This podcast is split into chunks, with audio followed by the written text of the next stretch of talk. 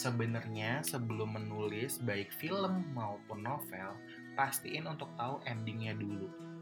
Ini kuncian ya, gitu. jangan pernah bikin sesuatu. Kadang kalau nulis novel, kadang soalnya kayak udah ditulis aja dulu, nanti endingnya pasti ketemu. Enggak, jangan, jangan, jangan pernah keluar rumah tanpa tujuan. Niscaya lo akan ke mana-mana. Sama juga dengan menulis sebenarnya.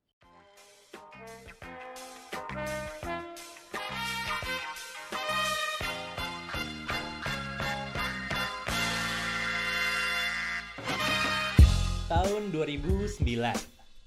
Sebagian di antara kita mungkin masih duduk di bangku sekolah. Sebagian yang lain mungkin udah lulus, udah ngelewatin masa pendidikannya, lalu lanjut mencari jati dirinya. Di saat-saat inilah pertanyaan yang sering muncul adalah, gue kerja jadi apa ya?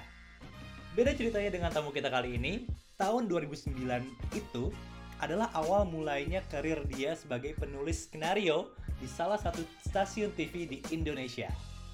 Terus di tahun 2011 adalah tahunnya dia menerbitkan naskah film layar lebar pertamanya yaitu Pocong juga Pocong. Namanya Haki Ahmad, namanya juga muncul sebagai penulis naskah film radio Galau FM, Kata Hati, Refrain, termasuk penulis di balik novel berjudul Ada Cinta di SMA. Adapun buku lainnya seperti My Life as a Writer. Nah, Haki nih, kalau gue boleh rangkum ya, adalah seorang self-made storyteller. Selain seorang penulis naskah atau screenwriter, dia adalah sosok di balik cerita-ceritanya jenius juga. Siapa coba yang nggak tertarik buat menimba ilmu, menulis langsung dari dia? Karena itu, yuk ah kita kenal lebih dekat dengan Haki Ahmad. Halo Mas Haki. Halo. Berat ya intronya. kayak cengar-cengir gitu dengerin, oh itu gue ya, Cie. Oke, mulai dengan pertanyaan pertama ya. Makin berat nih kayaknya. Oke, um, kayaknya lo pernah bilang di mana gitu gue lupa. Kalau lo mau belajar writing, berarti lo harus mau belajar hidup. Uh -uh. Nah, dalam konteks copywriting atau in general lah, writing uh, jenis apa pun gitu. Sebenarnya peran para penulis ini seberapa besar sih dalam membuat kehidupan masyarakat menjadi lebih baik? Waduh. atau seenggaknya tuh keberadaan mereka di dunia ini tuh seberapa penting sih buat buat apa ya kayak ngebawa pengaruh yang positif lah buat kehidupan. Gini, gue tuh bukan orang yang uh, religius banget ya atau islami gitu. Enggak enggak. Gue bukan orang yang kayak gitu. Tapi gue kayak ngerasa uh, kagum bahwa ayat pertama yang diturunkan adalah ikro ada hmm. seruan untuk membaca gitu. Berarti bahkan secara agama aja membaca itu penting gitu. Jadi hmm. menurut gue berbahagialah kita para penulis yang diberkahi kemampuan untuk menulis yang mana itu menghadirkan sesuatu untuk dibaca Mm-hmm. Jadi kalau misalnya nanti hasilnya bisa tadi disebut ya kayak membuat kehidupan lebih baik atau uh, sesuatu yang hal-hal besar terjadi karena tulisan itu bisa jadi sih menurut gue. Karena gue aja jadi penulis uh, dan melangkah sejauh ini ya karena gue juga dulu baca kan. Jadi gue karena gue baca gue jadi pengen jadi penulis juga gitu. Jadi menurut gue tulisan tuh impactnya gede sebenarnya. Dan efeknya apakah bisa melahirkan efek sebesar itu? Iya menurut gue sih gitu. Cuma ya tapi ya jangan fokus ke situnya kali ya. Jadi kayak gue pengen mengubah kehidupan dengan tulisan gitu. Kayaknya gede banget ya gitu. Dan agak kehaluan sih kalau menurut gue gitu. Jadi kayak ya ditulis aja dulu kalau misalnya emang nanti ada efek baik dari situ ya alhamdulillah. Kalau enggak ya dicoba lagi mungkin nanti di tulisan yang lain gitu. Buat Mas Haki sendiri transisi dari script writing ke dunia copywriting tuh berat nggak? Atau mungkin kira-kira kalau udah ada pengalaman script writing jadi lebih gampang gitu? Uh, sebenarnya waktu gue masuk Genius ya itu lebih ke berat ke nama. Karena tiba-tiba kayak iya ada penulis film masuk sini Oh, oh masuk jenius pada saat itu kayak Padahal gue pada saat masuk Genius ya adalah penulis film frustasi sebenarnya pada saat itu kayak udah gue bosen ah nulis film gue pengen hidup baru. Jadi gue masuk Genius tapi karena gue tuh gue tuh ngerasa bahwa gue tidak pernah melebeli diri gue dengan penulis A penulis B. Gue ngerasa gue tuh pencerita gue tuh senang bercerita gitu. Jadi ceritanya tuh bentuknya macam-macam kan. Bisa lewat skenario bisa lewat copywriting salah satunya. Jadi kemudian ketika gue masuk Genius transisinya adalah gue melupakan semua identitas gue sebagai penulis film dan semua yang gue tahu tentang filmmaking karena di Genius bukan tentang film. Tapi kemudian ketika ada uh, kemudian screenwriting tuh ternyata membantu juga pekerjaan gue uh, di Genius. Karena ketika lo jadi penulis skenario lo pitching kok ke produser.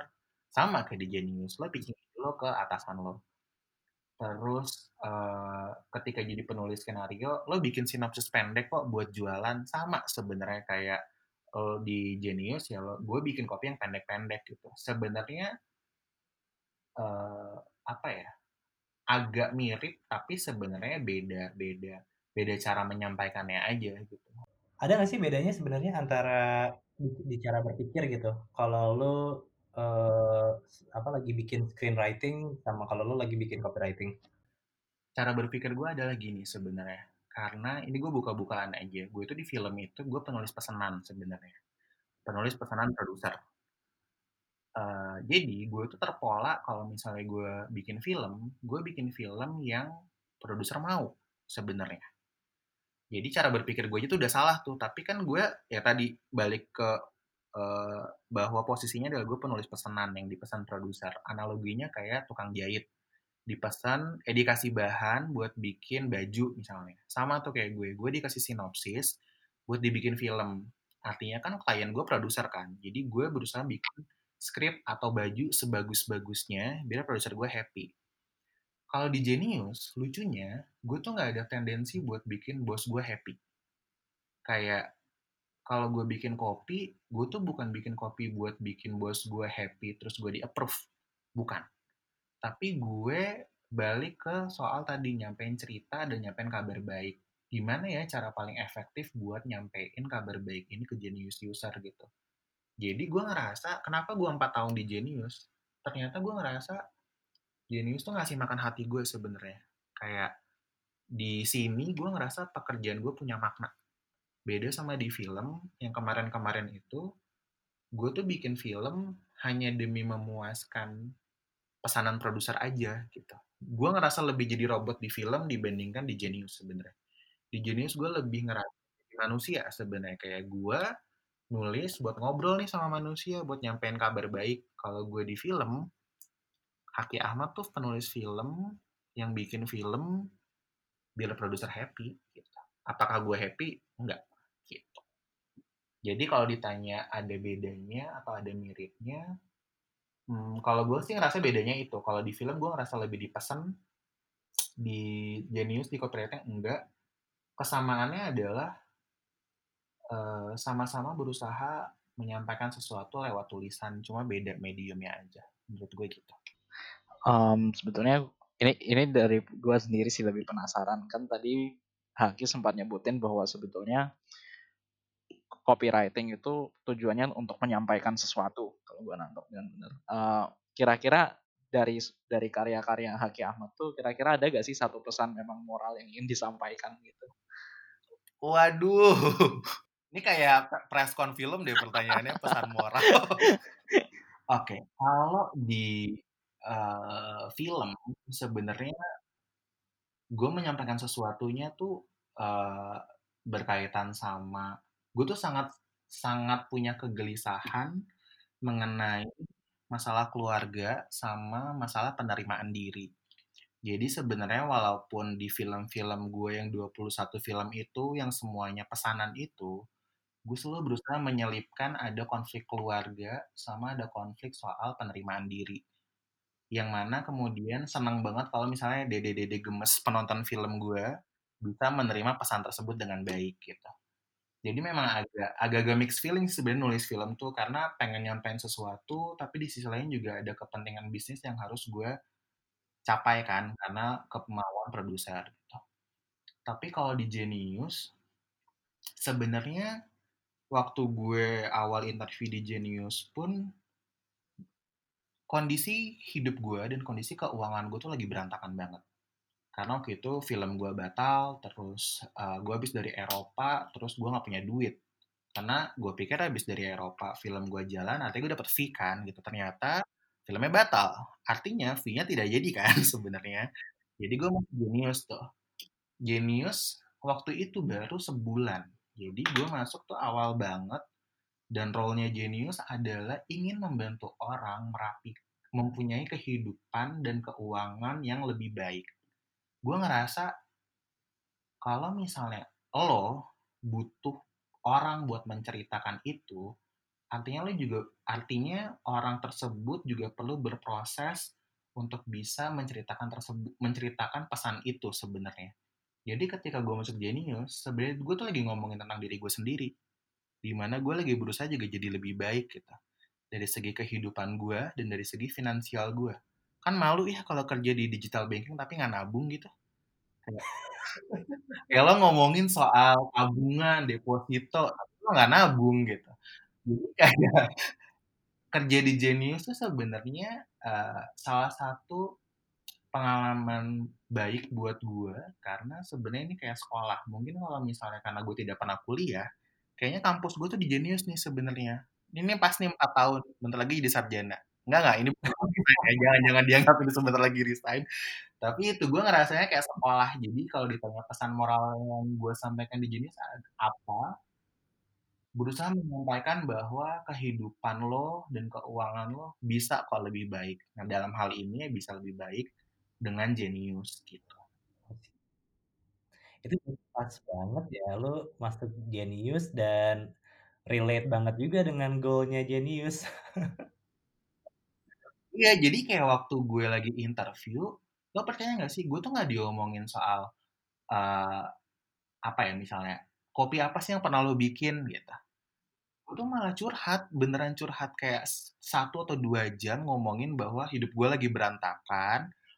Uh, kamu tahu jenius nggak? Barusan googling di bawah sebelum datang ke atas ini. uh, ya udah gue gue gue menjadi diri gue sendiri di jenis itu sejak awal, sejak interview. Jadi kayaknya modelnya itu sih karena gue jujur dan ketika gue nulis gue juga berusaha bahasa jenis kan gitu ya, berusaha untuk tidak di tidak di tidak dibungkus-bungkus gitu. Pengen pakai yang bahasa sederhana aja, nggak perlu dibuat rumit. Kadang kan kita sebagai penulis suka pengen bikin kopi yang catchy, berima, apa yang kelihatan cool. Padahal sederhana pengen nyampein sesuatu kan sebenarnya gitu. Dan maksud gue ternyata penulisan yang sederhana itu sulit. Jadi makanya kayak selama empat tahun ini gue masih terus nyari formula gitu. Dan makanya gue masih bertahan sampai teman-teman film gue langsung nanya emang di YouTube gaji lo gede banget ya sampai sampai lo mau gitu kerja kantoran sampai lo mau gitu ninggalin film Terus gue balik lagi, emang Vilo sebagai penulis skenario gede banget ya sampai lo di film terus gue gituin. Burn. Burn. Ngomongin fee gitu, gue udah kayak kesel kalau udah parameternya duit gitu. Jadi kayak kayak gitu sih. Oke oke. Eh Haki nih kita juga mau nanya, sebenarnya taunya gimana ya? Uh, kalau gue nih lebih cocok buat jadi screenwriter ketimbang ketimbang copywriter gitu. Hmm. Kayaknya kalau menurut gua, uh, kalau misalnya memang lo masih nyari bentukan gitu ya, lo pengen jadi penulis yang seperti apa, sebenarnya uh, dicari dulu sih penulisan apa sih yang sebenarnya paling bikin lo nyaman gitu. Tapi kan kadang-kadang gini ya, yang bikin kita nyaman kan kadang belum tentu pas dengan realita dalam artian kita nyamannya bikin buku tapi bikin buku ternyata bukunya nggak laku terus bikin buku berhubungan sama royalti gitu gue tuh cukup realistis untuk tahu bahwa kita butuh duit buat hidup sebenarnya jadi mm -hmm. uh, kalau misalnya memang mau uh, benar-benar totalitas kayak gue dulu lulus SMA terus ngejar mimpi jadi penulis skenario ya udah gitu. Lo yakin aja sama apa yang lo mau uh, raih gitu. Karena menurut gue kadang-kadang tuh orang kebanyakan mikirnya gitu kayak eh gue cocoknya jadi apa ya? gitu. Eh kayak gue bukan ini deh. Yang mana sebenarnya dicoba aja dulu kalau misalnya bukan itu kan bisa berubah haluan gitu. Sama kayak gue sekarang yang mana gue tetap nulis film kok gue tetap bisa nulis buku dan gue tetap bisa kerja di Genius juga gitu. Kesannya gue maruk banget padahal enggak karena energi gue tuh gede banget. Gue tuh punya punya keanehan itu kayaknya yang mana energi gue segede itu kalau misalnya gue diem gue tuh pusing. Jadi gue ngerasa harus terus bekerja gitu. Itu emang aneh banget. Semoga nggak banyak yang mengalami itu karena itu nggak enak sebenarnya uh, Ini tantangannya besar banget nih di masa-masa pandemi sekarang ya Iya, jadi kayak karena di rumah aja, jadi pengennya nulis mulu. Terus gue kayak capek oh. nulis mulu gitu. Tapi kalau balik ke soal pertanyaan uh, uh, itu tadi, kalau menurut gue, kalau misalnya emang ditanya sebenarnya uh, mau milih jalur yang mana, itu kayaknya balik ke ke diri sendiri dulu ditanyain. Kalau misalnya emang lo tipe orang yang kayak katakanlah pengen ngelihat nama lo di layar bioskop gitu yang gede sebagai penulis skenario, ya kejar mimpi itu. Karena kadang-kadang prestis sebagai copywriter tuh mungkin rasanya nggak ada. Kalau misalnya kita ngomongin prestis ya gitu kayak ya kalau penulis film kesannya kayak keren gitu. Ih ada lo nulis film, ada nama lo di layar bioskop terus lo ada di IMDb atau apalah yang kayak gitu-gitu ya kan yeah. gitu. kesannya keren banget. Gue pernah menjadi orang yang ngerasa Ijil itu keren banget anjir gue keren gitu. Sekarang enggak gue udah ngerasa itu kayak ya laki apaan sih lo? Gitu. Tapi pada akhirnya gue ngerasa itu cool banget gitu. Kayak anjir gue ada di IMDb gue ada di Wikipedia gue ada di apalah apalah gitu. Cuma ternyata makin ke sini gue ngerasa kita tuh penulis yang tampil tulisannya aja sebenarnya gitu. Orang baca aja gitu. Kayak copywriting berapa banyak sih orang yang penasaran siapa yang yang menulis copywriting genius? Gue rasa paling yang penasaran yang orang-orang yang bergerak di bidang ini aja sebenarnya. Masyarakat di luar sana cuma kayak oh oke okay, oke okay, gitu. Dan itu sebenarnya salah satu hal yang bikin gue nyaman. Karena orang nggak perlu tahu yang nulis siapa tapi orang cukup menikmati tulisannya aja. Gue ngerasa kalau di Genius gitu sih. Jadi gue bisa bersembunyi di balik tulisan gue. Kalau di film enggak. Kalau filmnya jelek, yang dimaki-maki siapa? Haki Ahmad. Karena penulisnya adalah Haki Ahmad gitu. Dan penulisnya lo doang ya di setiap film itu? Yang udah yang yang lo apa uh, tulis? Kadang-kadang berkolaborasi sama sutradaranya karena jadi kayak misalnya di draft kesekian sutradaranya pengen masukin sesuatu uh, dibanding dia menyampaikan ke gue notesnya mungkin dia pengen nulis sendiri jadinya ya udah berbagi tuh. Gue dan sutradara. Tapi kayaknya hampir hampir semuanya sebenarnya gue nulis sendiri mungkin dua atau sampai empat lah nulis sama sutradara gitu Oh tapi penulis apa screenwriternya lo aja kan yang punya iya. apa title screenwriter. Betul. Nama gue seorang itu. Jadi kalau jelek ya udah ini penulisnya goblok banget sih gitu kayak ada saya gitu. lo gak pernah kayak salahin sutradaranya gitu. Iya gitu kayak uh, deskripsi nggak gitu sutradaranya aja bego misalnya gitu. tapi nggak gue gue gue jarang orang tuh kan lo lo sering gak sih baca Twitter yang kayak filmmaker kita tuh pada sensian gitu? Kalau misalnya dikritik pada kebakaran jenggot gitu atau kayak uh, ada review jelek maki-maki. Mungkin karena gue udah terbiasa sama review buruk kali ya jadi gue kayak ya udah sih ya udahlah ya udah gitu. Dan lo tuh nggak bisa ngontrol pendapat orang juga gitu. Karena apalagi gue nih yang bikin film ABG uh, eh, kita gue gue bilang kita adalah termasuk kalau ya berdua ya. Mungkin bukan penonton film gue gitu tapi mungkin ada dede di Blok M Square di Cinere Mall gitu di uh, Kalibata. Itu yang bisa sampai kayak apa ya kelojotan di kursinya karena baper gitu. Jadi kayak ya udah gitu kayak ada marketnya gitu. Sama kalau lo bikin kopi lah gitu. Ya kan kalau misalnya buat market C kopi lo kan pasti akan norak banget gitu kan nggak mungkin lo bikin premium gitu. Jadi kayak ya udahlah gitu.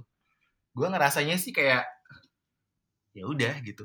Banyak ya udahnya lah pokoknya. Lo sampai nongkrong di sana nggak tuh biar bisa dapat feelingnya? Gue itu dulu rajin banget kalau habis film tayang gue nonton di bioskop. Eh maksud gue gue nonton bareng bukan nonton bareng apa sih gue beli tiket buat nonton film gue dan ngeliat reaksi penonton. Oh jadi gue tuh yang tadi gue sebut Kalibata dan Blok M tuh gue tuh dulu sering ke situ. Gue inget banget gue nonton film film gue sendiri Remember When judulnya. Jadi di endingnya cewek sama cowoknya ciuman bibir.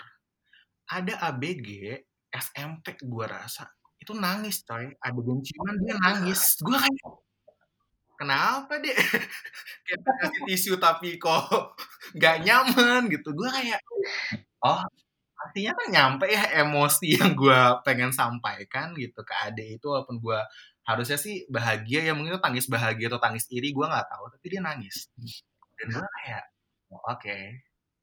ya ya, ya dan kalau misalnya premier gitu gue tuh sering banget nggak datang eh nggak duduk di kursi penonton tapi nonton tapi diri di di kayak di lorong situ kan tempat orang masuk buat ngeliatin reaksi penonton gitu. Karena menurut gue itu penting sih gitu. Sama kayak kalau sekarang kan kalau jadi copywriter uh, nyari apa ya hasil data kan. Ya. ini diklik berapa banyak impressionnya gimana segala macam gitu-gitu. Kalau penonton lebih direct sih gitu. Lebih kayak kelihatan bentuknya gitu. Jadi kayak Ya. rasa uh, dua-duanya tuh copywriting sama screenwriting ngasih impact yang sama sebenarnya. Kayak ada eh gitu. Ada gitunya kadang-kadang tapi kalau menurut gue sih eh ya itu tadi karena gue gue tuh anaknya hopeless romantic sebenarnya. Jadi gue kalau misalnya nulis tuh kayak suka gemes-gemes sendiri di film maupun di copywriting. Coba lo bayangin gemes-gemes di copywriting ngomonginnya perbankan. Bagian mananya yang gemes coba. Ya, gue tetap punya ruang aja buat kayak seru nih gitu yang mana gue kadang kayak suka ngerasa kehaluan sendiri kadang-kadang. Cuma ya udahlah gitu. Terus kayak kalau zaman sekarang nih gimana nih ya? Eh, misalnya orang-orang nih kita dari followers kita lumayan banyak sih yang yang yang tertarik pengen jadi screenwriter gitu. Nah cuman apakah lo harus punya network di dengan stasiun-stasiun TV dengan produser dengan selebriti apa gimana nih? Ada celahnya nggak? Eh, sebenarnya gini kabar baiknya adalah kalau kita adalah copywriter artinya kan ter- kita udah terbiasa menulis terbiasa pitching. Harus copywriter kayak orang yang paling rajin pitching kayaknya ya dibandingkan screenwriter bahkan. Eh, Hmm. kalau misalnya tapi gini gue kayak perlu ngasih sedikit catatan bahwa eh, screenwriter tuh bukan kayak next levelnya copywriter gitu. Misalnya kayak abis jadi copywriter gue mau jadi screenwriter. Ah nggak nggak- kayak gitu sebenarnya. Eh, karena eh, lo tetap bisa menjadi copywriter dan mendalami copywriting sampai kapan pun sebenarnya. Tapi kalau misalnya memang lo pengen jadi screenwriter kayak katakanlah kayak Yasmin Ahmad gitu kan, tadinya copywriter terus jadi screenwriter. Atau kalau di Indonesia tuh ada Prima Rusdi, dia yang nulis Eliana Eliana sama Ada Padangan Cinta. Dia tuh dulu dia juga copywriter, tapi kemudian jadi screenwriter. Oke. Caranya buat bisa menjadi screenwriter adalah lo ngebangun jembatan lo buat masuk ke dunia film. Jembatan tuh dalam artian iya lo harus punya koneksi sebenarnya. Film tuh kayak MLM sebenarnya, kayak bawa temen coy. Kayak agak-agak nepotisme ya kayaknya sebenarnya ngebawa orang. Karena prinsip ngebawa orang tuh gede banget dalam artian gini. eh, kalau mau jadi aktor ada castingnya kan tapi kalau Ya. mau jadi penulis nggak ada casting buat jadi penulis gitu. Jadi memang cara termudah bukan cara termudah cara yang bisa lo lakukan adalah membangun jembatan itu dalam bentuk satu lo ikut kelas penulisan skenario.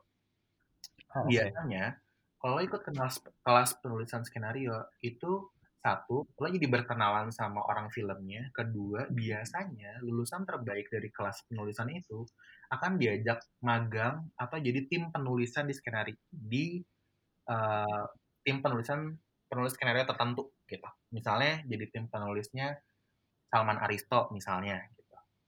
Dengan lo menjadi anggota tim penulisan lo satu terpapar sama industri kedua lo jadi belajar lebih banyak kan sebenarnya. Itu salah satu yang bisa lo, coba jadi ikutan kelas penulisan. Yang kedua bikin film pendek dan lo sebarin deh tuh film pendek lo. Entah lo ikut kompetisi entah lo uh, upload di YouTube kayak lo tahu kan kemarin Tilik sebagai sebegitu viralnya gitu. Semua orang nonton film itu. Jadi kalau mau coba misalnya katakanlah ini ada copywriter copywriter yang pengen banget bikin film terus punya temen yang jago jago ngoperasin kamera bikin aja film pendek gitu. Dan lo upload ke ke ke YouTube dan ikutin kompetisi. Ketiga jadi stand up comedian. Hmm.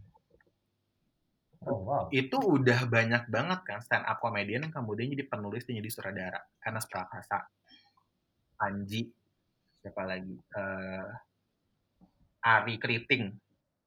Kan mereka mulainya dari stand up comedian kan. Gitu. Kalau misalnya hmm. dirasa terlalu ekstrim, ya mungkin rasanya ekstrim, tapi itu jadi salah satu platform yang bisa lo pakai. Keempat, mungkin lo juga mau jadi penulis buku dulu.